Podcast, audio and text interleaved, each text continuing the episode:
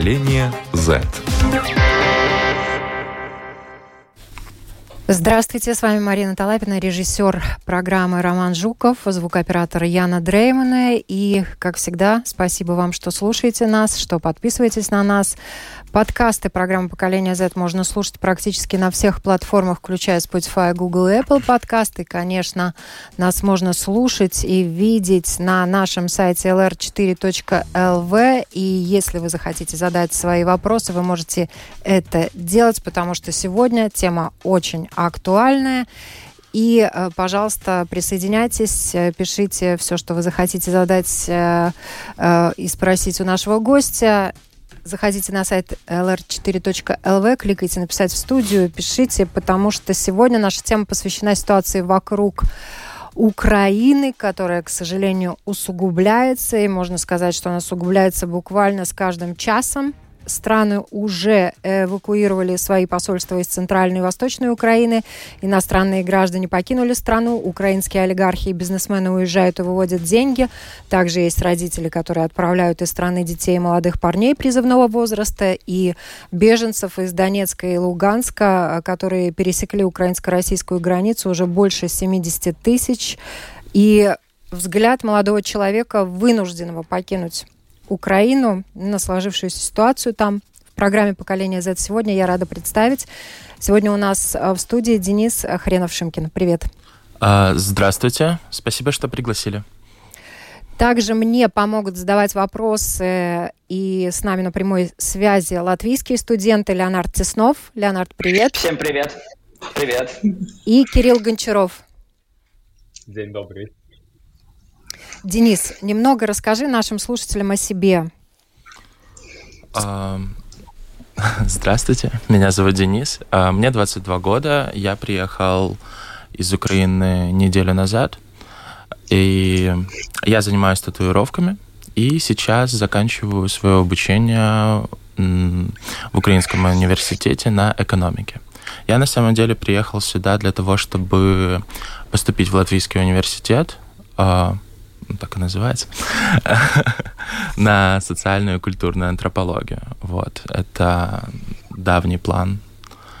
И пока осваиваюсь здесь. Очень мило.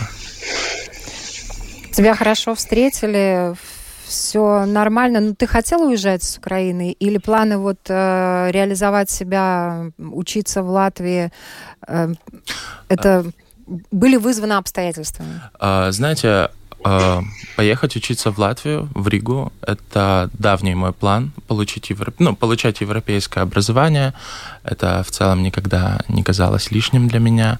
Вот. И, конечно, конечно, ситуация, которая сейчас э, происходит в моей стране, она вынудила немного ускорить это решение. Но в общем и целом я все еще числюсь как украинский студент, и для меня не было, не было проблемой выехать за границу или что-то что-то вроде этого. А, вот. И да, встретили хорошо. Меня отлично встретила, отлично встретила Рига. Здесь дожди каждый день. Очень мило. Некоторый сарказм я слышу в твоем голосе. Ну, ладно. Э, то, что касается самой ситуации, ты уезжал, естественно, не с спокойным сердцем, потому что у тебя там остались близкие, Э, родственники, друзья, вот эм, какой они сейчас ситуации, ты с ними на связи каждый день? Да, да, конечно. А моя семья осталась в Киеве, они живут там и, конечно же, беспокоятся, обеспокоены тем, что происходит сейчас. Но важно понимать, что ситуация, которая складывается в моей стране, она не началась неделю назад или не началась месяц назад этот конфликт и кризис разворачивается уже 8 лет. А, небольшое, но некоторое количество моих друзей, с которыми я дружу уже более 5-6 лет, это люди, которые приехали с Востока, и иногда очень странно осознавать э, причины, по которым ты знакомишься с новыми людьми. Ты понимаешь то, что для тебя это обычная жизнь, ты равнодушен, и просто спокойно себе живешь в Киеве. Киев абсолютно не отличается не отличается от любого другого европейского города, насколько я могу судить по европейским городам. А, молодежь, она одинаковая, и там, и тут мы занимаемся одними и теми же вещами. Нас интересуют одни и те же проблемы, но ситуация осложняется тем, что за тем, что ты должен все время держать у себя в голове, что существует конфликт на украинских землях, кризис, и ну, никогда, никогда не выбрасывать это из своей головы. Вот. И что касается того, как они себя чувствуют сейчас там, я, конечно, не могу судить э, о том, как чувствуют себя люди. Э, не я, вот, но все не так, все не так панически. Э, люди живут с этим уже долгое время у себя в голове и они видят то, что происходит вокруг, и сейчас, э, сейчас люди в Киеве не поддаются такой панике, как могло бы показаться. Угу. То есть ситуация со стороны нагнетается, мы об этом еще немножко поговорим. У нас наши такие же студенты, как и ты, только наши латвийские, Кирилл и Леонард. И вот э, вопрос вам, ребят, как э, вы оцениваете ситуацию со стороны? Кирилл. В моем случае, да. На, сам, э, на самом деле, для меня эта ситуация достаточно страшная. Мне сложно абсолютно представить, что это может произойти. Особенно изначально с тем, как э, я узнал о всем том, что происходит это будет самое поколение Z, что можно сказать, но я впервые про это услышал на ТикТоке, и только потом в латвийском медийном пространстве начал слышать новости про то, что э, конфликта повышается, и то, что сейчас э, ситуация намного хуже, тем, э, точнее, может быть намного хуже, чем то, что происходило в 2014 году. Поэтому меня это в целом настораживает и волнует. Леонард? У меня история примерно похожая. Я тоже про это узнал в ТикТоке. Потом, конечно, начал читать новости. И меня эта ситуация настораживает, потому что может начаться война и непонятно какого масштаба, а воевать идти не хочется. По поводу этого очень сильно паникую. И я, конечно, надеюсь, что НАТО и ЕС примут другие, э, другие меры в случае э, начала действий со стороны России, но посмотрим. Вот нам уже пишут, э, пенсионер Анатолий пишет, что ты, Денис, правильно сделал, и вообще надо бежать от бандитов и, другим советовать. И вообще ты хочешь вернуться на Украину? А, конечно, конечно, я очень хочу вернуться. Даже планирую вернуться, возможно, через э, недели-две. Вот. Ну, до, до поступления, конечно, но в любом случае. Э, я хочу вернуться, и было бы очень здорово, если бы это было возможным. Ситуация, которая происходит прямо сейчас, то есть э, вот э, эскалация, точнее, это лучше бы назвать даже информационной эскалацией конфликта, потому что вот, например, парни сказали, услышали об этом в ТикТоке, это стало популярным, хотя это существует еще э, до запуска ТикТока э, в целом, как приложение. И ситуация, которая происходит сейчас, она не предполагает, к сожалению, моего возвращения. Но возможно, что если все утихнет, утихнет до прежнего уровня, я смогу вернуться, и я, конечно же, вернусь. А много твоих знакомых э, уехало в связи с конфликтом? А, нет, нет. Но я... уезжают, да? Но некоторые люди переезжают с востока на запад, вот, но мое, конкретно мое окружение, я не знаю, кто бы уехал. Кризис вокруг Украины, как мы сегодня уже сказали, и, наверное, еще не раз повторим, усугубляется, и мы постараемся оперировать только фактами.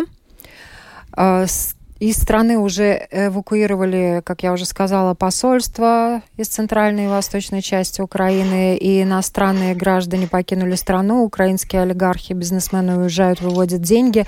Количество выехавших из Украины и не вернувшихся граждан а, за а, прошлый год составило более 600 тысяч человек.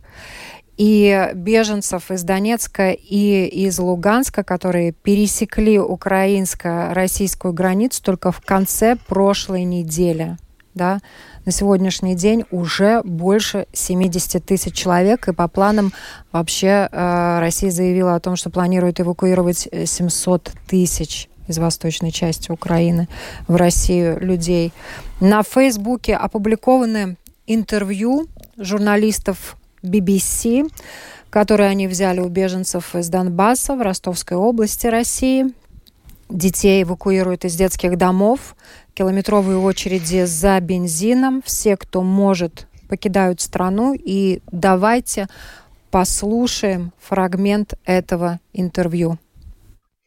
Честно говоря, то, что обещали, не соответствует действительности. Потому что было обещано со стороны России, что нас автобус привозят, привозят э, в различные санатории пансионаты, где нас расселяют, питание, проживание. То есть мы рассчитывали на то, что мы приедем и сразу нас куда-то селят с маленькими детками. Но так не получилось.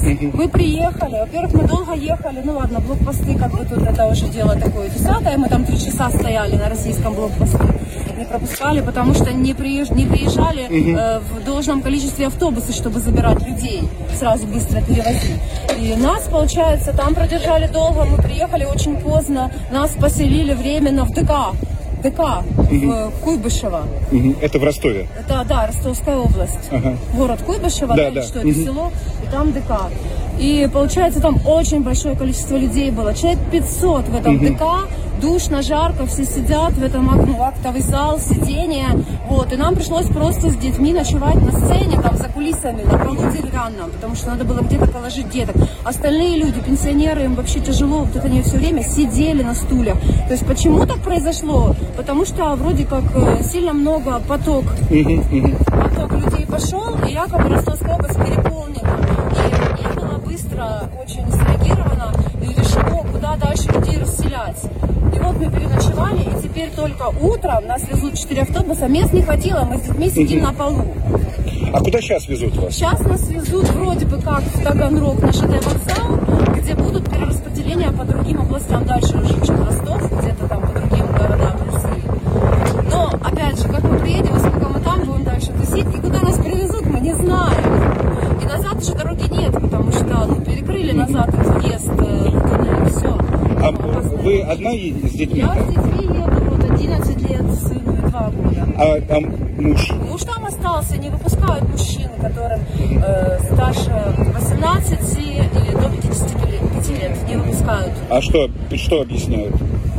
Ну, положение военное, что объясняют.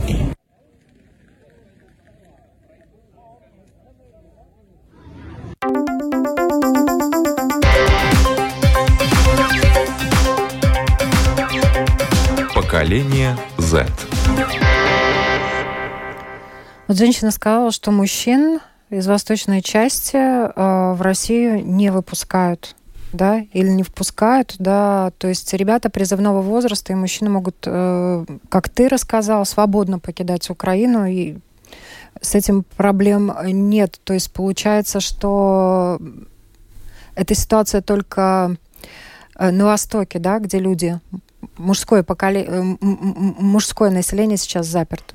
А, да, как вы, как мы только что услышали, это была информация из э, неподконтрольных Украине частей Донецкой и Луганской областей.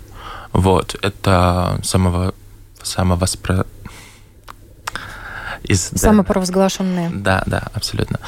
А, да, у них э, вот такая сейчас политика, политика общей мобилизации населения. Если посмотреть э, некоторые новостные порталы, то можно увидеть, ну, видео очевидцев, что забирают не только, не только людей призывного возраста с 18 лет, забирают людей 17 лет и 16 лет, которые поступили, допустим, в какие-то э, военные учебные заведения, и в целом, если ты, ты с 16 лет состоишь на призыве, вот, и, соответственно, у военкомата есть информация о тебе с 16 лет, хотя официально ты э, считаешься способным исполнять воинскую службу с 18. И да, забирают и тех, и тех.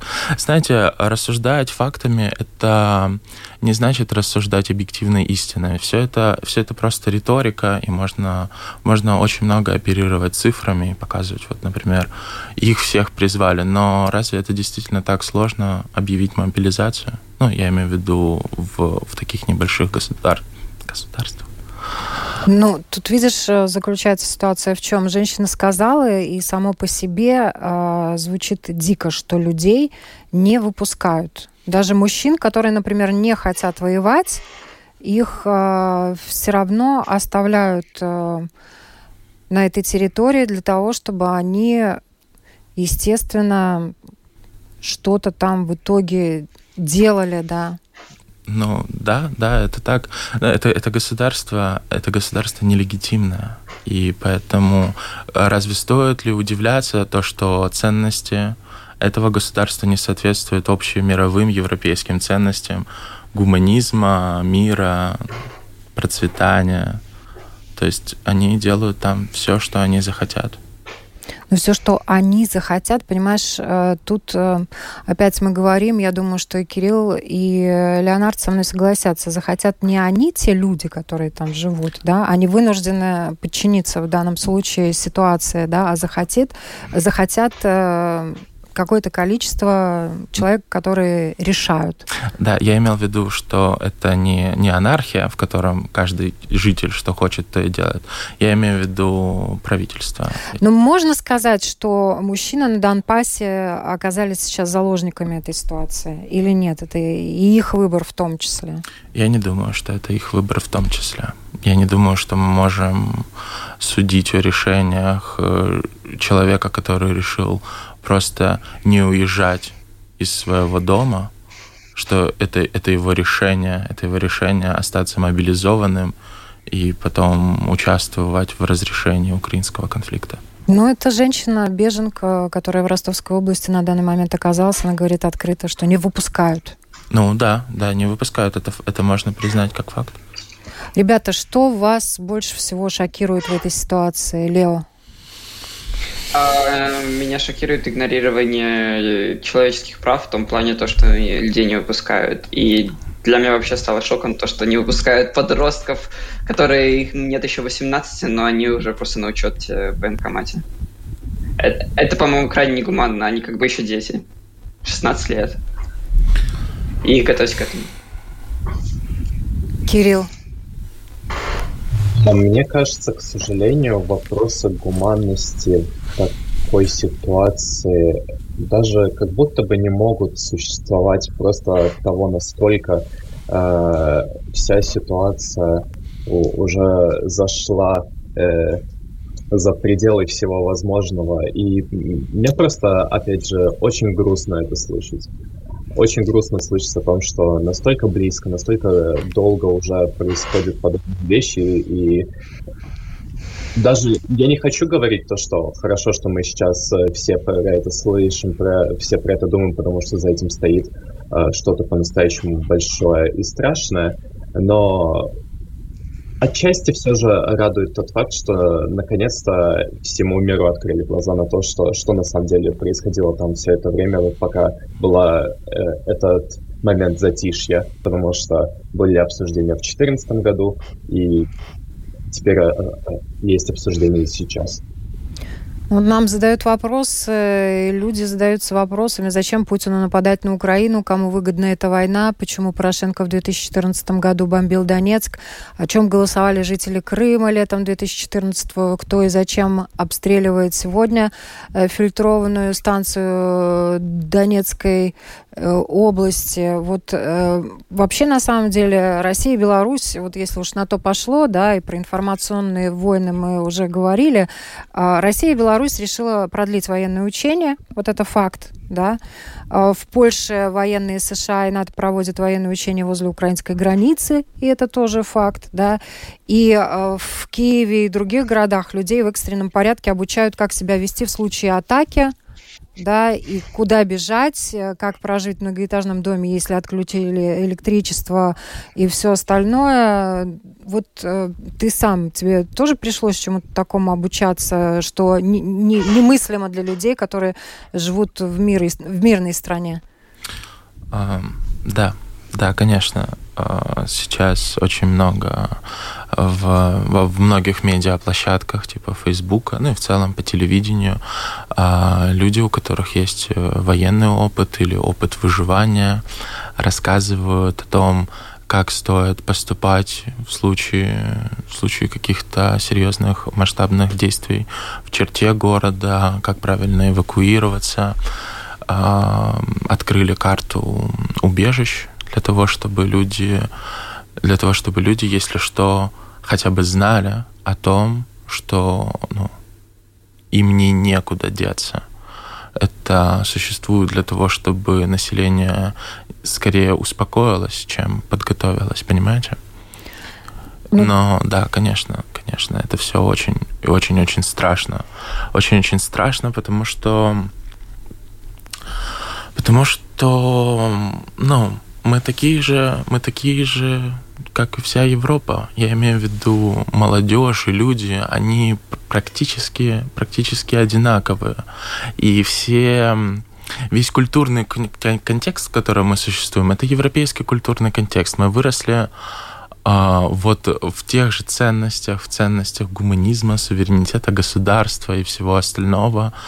И тут оказывается, что это не единые ценности для всего мира, что существуют силы, которые этому противоборствуют, которые выходят с этим на конфликт, и для них это антиценности. У них есть, у них есть энергоресурсы и потребность в, в импорте.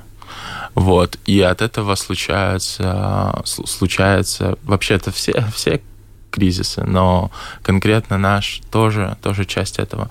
Тут задают вопросы, которые вы... Да, прочитали. кому выгодна эта война, например? Зачем а, Путину нападать на Украину? Я думаю, что я думаю, что это вопрос, он очень, конечно, хороший, но боюсь, что нам не хватит, мне не хватит политической экспертности и экономической для того, чтобы это объяснить. Хотя, с моей стороны, все кажется довольно-таки очевидным. Вот. И что до, что до того, что до того, каково это почувствовать, что тебе нужно готовиться выживать в лесу или пересекать границы, а, это кошмар. Это никак нельзя описать, что оказывается, кроме, кроме того, что тебя интересует, вот, допустим, всех моих друзей интересует урбанистика, сохранение исторических зданий, исторического облика города. Мы выходим на митинги против заборов, но параллельно с этим за нами прям стоит огромная тень вопроса, что, ну, вот, это все может разрушиться, развалиться в прах это мешает нашему развитию как государства, как общества, того, что существует, существует конфликт и необходимость, необходимость быть к нему готовым. Ну вот как Кирилл сказал, что сейчас действительно гуманные какие-то вещи и ценности ушли на второй план, о них не думают, все думают, э, будет, не будет, все живут в напряжении, и напряжение это нагнетается, и новости по украинской ситуации поступают все время противоречивые, тезисы, например, президента Украины Владимира Зеленского на Мюнхенской конференции «Украина хочет мира», Европа хочет мира, мир говорит, что не хочет воевать, а Россия говорит, что не хочет наступать. Казалось бы, все в порядке. Но те военные учения, которые проходят и с одной стороны, и с другой стороны, да, то есть все друг друга держат в тонусе, и ситуация только нагнетается и нагнетается. Вот э, вот эти военные учения даже, вот кто говорит правду и кто хочет мира, вот как вы, молодежь, на это все смотрите, как, как вы вообще вот это вот все воспринимаете? Да? Давайте я скажу, хорошо. Давай, Леонард. А, мне, мне кажется, никто войны не хочет, просто Россия пытается предотвратить э, укра... вступление Украины в НАТО. Это, по крайней мере, заявление Путина. И вот чего пытается добиться Путин, а остальные страны просто боятся и поэтому дел... тоже привозят, приводят свои ну вот, э, Тут э, мы, к сожалению или к счастью, не эксперты, да, мы мирные жители, да, но вся эта информация на нас э, обрушивается со всех сторон, и э, там есть старая поговорка холопы дерутся, э, вернее, паны дерутся, у холопов э, чубы летят, да. Вот, э, Кирилл, твое мнение, как вообще вот ситуацию эту воспринимать и реально... Конечно, понятно, что люди хотят мира, но вот как разбираться в этой во всей ситуации? На что вы реагируете, на что не реагируете? На самом деле, в этой ситуации очень сложно судить, чему можно по-настоящему доверять и чему нет, потому что в априори, например, находясь в латвийском медийном пространстве, как раз-таки э, виднеется, э, скажем так, все стороны, которые можно найти относительно и мнений, и э, позиций, э, поэтому с, с такой точки зрения судить очень сложно. Также о самом факте, что все на самом деле хотят мира, мне кажется, можно сомневаться, и было слишком много примеров до этого, когда было явно видно, что далеко не все в нашем мире хотят абсолютного мира, что является абсолютно грустной и ужасной мыслью, потому что каждый раз за этим, э, за э, этим нежеланием мира стоят жизни других людей. Ну вот э, в том-то все и дело. Взрывы и обстрелы на Донбассе. Российская Федерация вот заводит дела против армии Украины. В свою очередь, украинская сторона называет взрывы в Ростове, которые сейчас произошли, э, провокацией и просит пустить европейских экспертов, которые э, могут реально разобраться на месте в этой ситуации. И сегодняшние сообщения Госдеп США предупреждает своих граждан о возможных терактах в России да, как провокации тоже, информационных вбросов очень много. И э, ты правильно сказал, что эскалация информационная в первую очередь идет, и провокаций очень много, напряженность нагнетается, и любая капля действительно, ну, такое ощущение, что она может стать э, э той самой спичкой, от которой загорится все. Вот что о провокациях э, сами говорят украинские жители, как они на это реагируют, как они вот эту информацию воспринимают? Ну, да, эм, Леонард, если не ошибаюсь, сказал о том, что сказал, что в латвийском медиапространстве есть возможность рассмотреть обе стороны. Но я могу сказать, что в целом, если у тебя есть интернет и глобальный мир, ты можешь увидеть, а, как считают те, как считают другие. И если, если собрать это все в кучу, может оказаться, что мир очень абсурден. Никто не хочет войны, но кто-то воюет, и все доказывают абсолютно а, противоречивые данные. Но мне кажется, что в таком случае стоит посмотреть все-таки на, на то, что половина моего, ну, не половина моего государства, но часть моего государства сейчас оккупирована. А территория которая сейчас не подконтрольна украинской власти. Это территория, которая примерно такая же, как целые Нидерланды. Целые Нидерланды сейчас находятся неподконтрольными, и они, соответственно, и разрушают украинскую экономику, и в то же время Украина тратит свой бюджет на, на военные, на военные расходы и, соответственно, не тратит их на развитие, на какую-то евроинтеграцию остаточную, на развитие собственного государства. И поэтому, наверное, можно исходя из таких фактов, судить о том, о том, что происходит и кто действительно кого обманывает.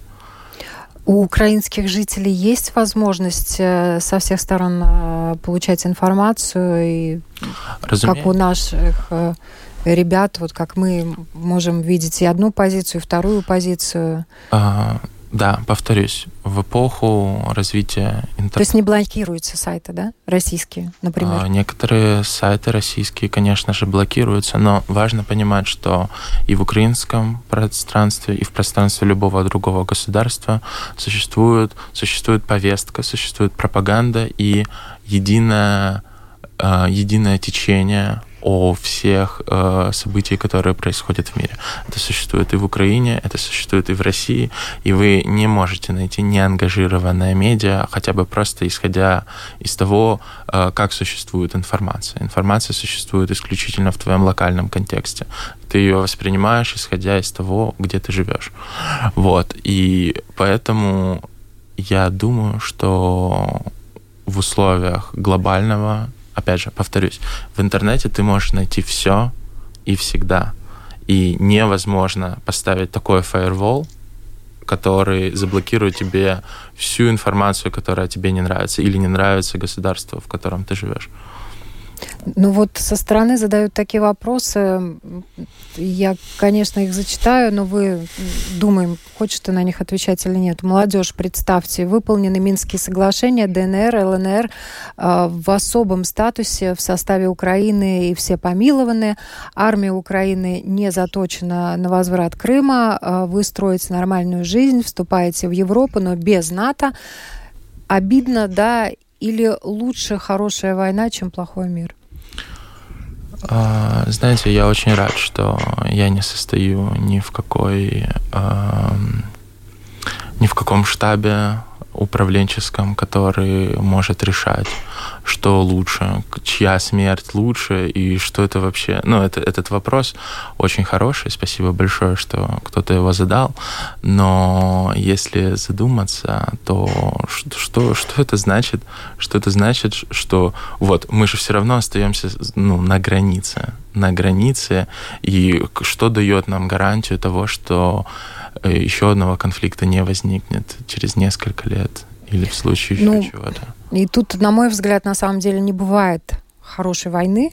Абсолютно. И не бывает плохого мира. Мир, он либо есть, либо это конфликтная ситуация. И вот э, Леонард тоже свою точку зрения по вопросу, который я сейчас задам, э, выразил. Да? Верите ли вы в то, что ситуация может дойти до точки, когда вторжение России случится? Я стараюсь не загадывать. Кирилл. А, то же самое. На ваш взгляд, как э, можно разрешить эту ситуацию? Денис, давай, наверное, ты сначала ответь. И тут наши латвийские ребята ответят чуть позже. Знаете, если бы, если бы 22-летний парень э, имел какое-то... А мы вот именно потому, что тебе 22 года, потому что ты пацифист, потому что ты не хочешь войны. Вот как, на твой взгляд, э, можно было бы разрешить эту ситуацию? Да, она сейчас э, доведена... На мой взгляд, э, сейчас самое время, самое время объединиться а, всем, всем государствам и содружествам, которые считают и предполагают то, что а, война — это плохо, нарушение конституционных прав и свобод человека и государства — это плохо, и использовать э, все свои ресурсы, не обязательно военные, для того, чтобы разрешать этот вопрос, конфликт. Потому что вопрос сейчас состоит не в том, а, какой кусочек государства, какого кусочка государства ты лишишься, или какое количество людей может погибнуть. Это, это вопрос, конфликт идеи сейчас случается. Мы построили, ну, не мы, не мы конкретно, но современный мир построен на определенных принципах, и прямо сейчас эти принципы разрушаются. Соответственно, вот это нужно решать. Нужно решать это в таком порядке. Том, то, что это все очень легко, очень легко быть равнодушным, находясь где угодно. Можно быть равнодушным, находясь в Киеве, находясь в Риге, находясь в Будапеште, в Лондоне, где угодно. Но... На сегодняшний день в Киеве есть равнодушные? Я думаю, что нет. Но ими можно оставаться в любом, в любом случае. Тебе встречались такие люди? Я стараюсь не, не общаться с людьми, для которых э, вопрос моей идентичности не обстоит остро. Моей, я имею в виду национальной идентичности. Вот. И, соответственно, соответственно, во время таких конфликтов очень легко ненавидеть чужих и просто просто как-то игнорировать это все. Но конфликты не решаются ненавистью никогда. Важен диалог, и диалог, не лишенный человечности, любви и внимания, потому что это единственный способ сохранить мир, если, ну, если не для нас, то для тех, кто будет после нас. Ребята, Леонард, вот как можно расслабить эту ситуацию и повернуть ее в мирное русло? Я считаю просто синхронизированное, синхронизированное, синхронизированное отведение войск и все. Как и... бы это просто, это просто всем надо отвести войск одновременно и все. Со всех сторон. Да, но э, обе стороны. Но говорят, там же есть и внутри э, страны войска. То есть ты имеешь в виду отвести от границ, э, с российской стороны отвести войска, да. с белорусской стороны отвести войска, с польской стороны отвести войска, а внутри страны что делать? Ты, а, ты про войска, которые прилетели из других стран в Украину, или про те, которые, или про украинские? Про украинские, про ДНР, ЛНР, э, вот Ладно, это, это уже загвоздка для меня. И все, error. Хорошо. Error. Кирилл. В моем случае я также надеюсь, что диалог продуктивный, особенно диалог дипломатов продуктивный, придет в итоге к какому-либо консенсусу, который будет э, наименее плохим для абсолютно всех сторон, и особенно для той стороны, в которую э, пытаются начать этот конфликт э, от, просто изовсюду. Э, я надеюсь, что в ближайшие дни мы будем смотреть назад на э, спустя новые встречи, разговоры, дебаты между дипломатами и будем думать о том, что все это был пик, дальше только лучше. Ну вот Елена задает вопрос, считаете ли вы, что если свободные выборы на Донбассе дадут результат отделения от Украины, то надо будет уважать мнение Донбасса? Я считаю, что для того, чтобы э, говорить о легитимности каких-либо выборов, нужно соблюдение всех законодательных механизмов, которые существуют э, в стране, в которой проводятся эти выборы. И они должны быть не заангажированы, существуют э, наблюдения и все, э, многие, многие механизмы, которые не допускают просто так, э, то есть какой-то очередной референдум под прицелом. Поэтому все вопросы, почему-то очень многие люди, особенно люди старшего поколения, думают, что это все так просто решается, что законы — это 10, 10, 10 каких-то заповедей на скрижалях, и вот ты можешь решить, у нас есть демократия, соответственно, демократия — это когда 10 человек одновременно сказали одно и то же. Но на самом деле, мой, мое первое образование юридическое, на самом деле могу сказать, что существуют механизмы, механизмы для того, чтобы огромное общество людей могло взаимодействовать между собой. И Конституция Украины предполагает не разрыв ее границ. Соответственно, э, отделение какой-то части это уже нарушение конституционных свобод. Тем не менее, существуют и механизмы принятия э, вот так называемого вот проведения подобных референдумов. Но это все нужно решать, и это все нужно решать не в то время, когда рядом с тобой винтовки. Ну да, не под пушками. Да. Вот э, Ричард пишет, кто живет в Донецке. Если вы считаете, что это не граждане Украины, дайте им жить, как они хотят. Они всегда там жили, они не могут быть оккупантами. Ну вот, опять же, написать легко, просто, но все для всего нужно планомерная, э, пошаговая э, работа и юристов, и политиков, но сейчас политики на самом деле пытаются до чего-то договориться, по крайней мере, настроены до чего-то договариваться, да. Макрон э, с Путиным чуть ли не каждый день созваниваются и с другими э, представителями европейской э, дипломатии все время между собой встречаются, да. Но вот Организация договора о коллективной безопасности могла бы отправить миротворцев на Донбасс, но только если бы об этом просил Киев, да, ОДКБ. В ОДКБ входят Россия, Беларусь, Казахстан, Кыргызстан, Армения, Таджикистан. да, а в свою очередь Украина хотела бы направить на Донбасс миротворцев, но из НАТО. Но против этого э, Россия воспротивилась. И получается, что миротворцев ни, ни с одной стороны, ни с другой стороны в ту часть Украины им не попасть да, пока, по крайней мере. А, да, но вот тут для молодого человека, молодого, не знаю, для задавшего вопрос, как вы назвали, Ричард из Донецка? Э, Ричард, он не из Донецка, он просто спрашивал о людях из Донецка. А, э, люди, люди в Донецке — это граждане Украины в основном если человек родился на территории украинского государства, а, есть механизмы, по которым он считается гражданином Украины. Эта территория сейчас является временно оккупированной. И то, что там происходит, это острый кризис, о котором, собственно, Ну, о котором, собственно говоря, речь. да, идет речь. А, да, поэтому вопрос немного неуместный, если задуматься.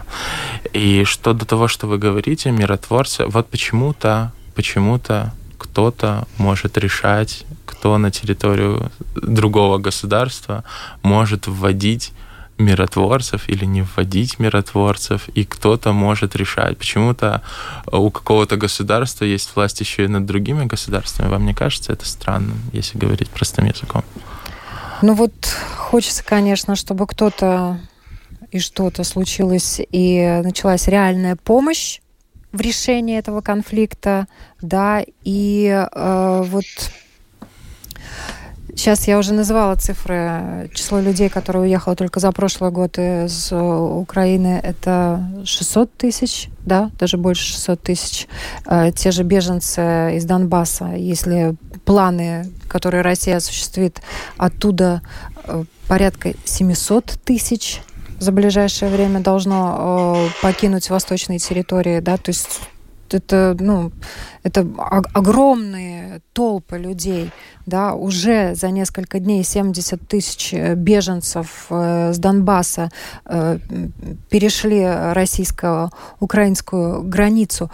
Э, что вообще может заставить этих людей вернуться?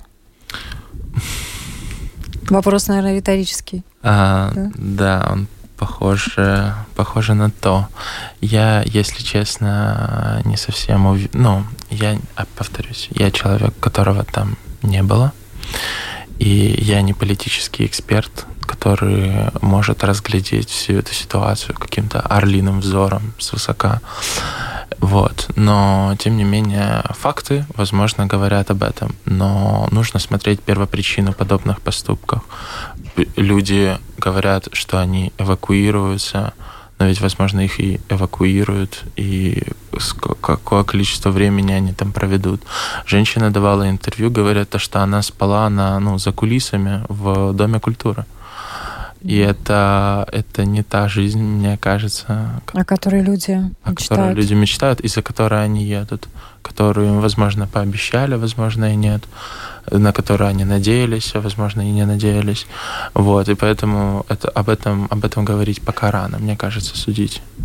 Ну да, то, что касается беженцев, их сейчас размещают э, в оборудованных спортивных центрах, э, на площадках футбольных, э, в клубах э, культуры, в домах культуры, в каких-то санаториях, но санатории тоже там не резиновые, и в итоге, конечно, 700 тысяч человек разместить э, даже в разных регионах, это большая нагрузка для России в том числе.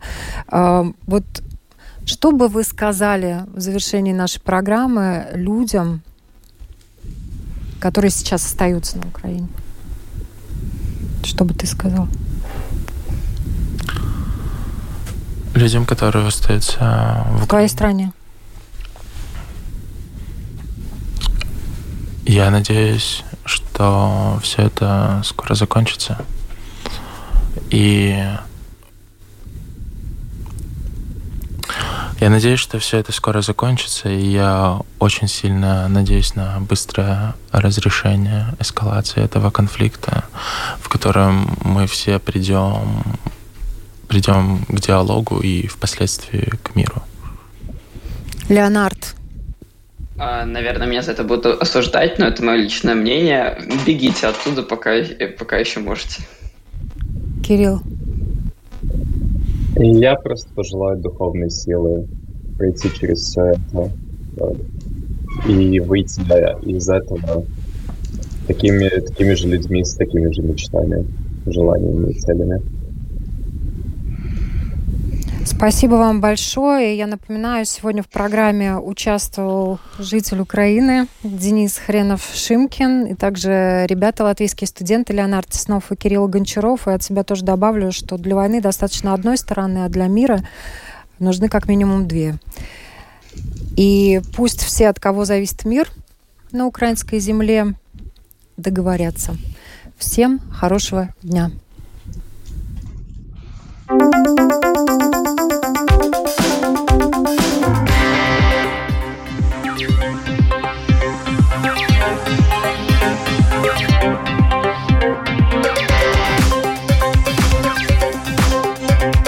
Поколение Z.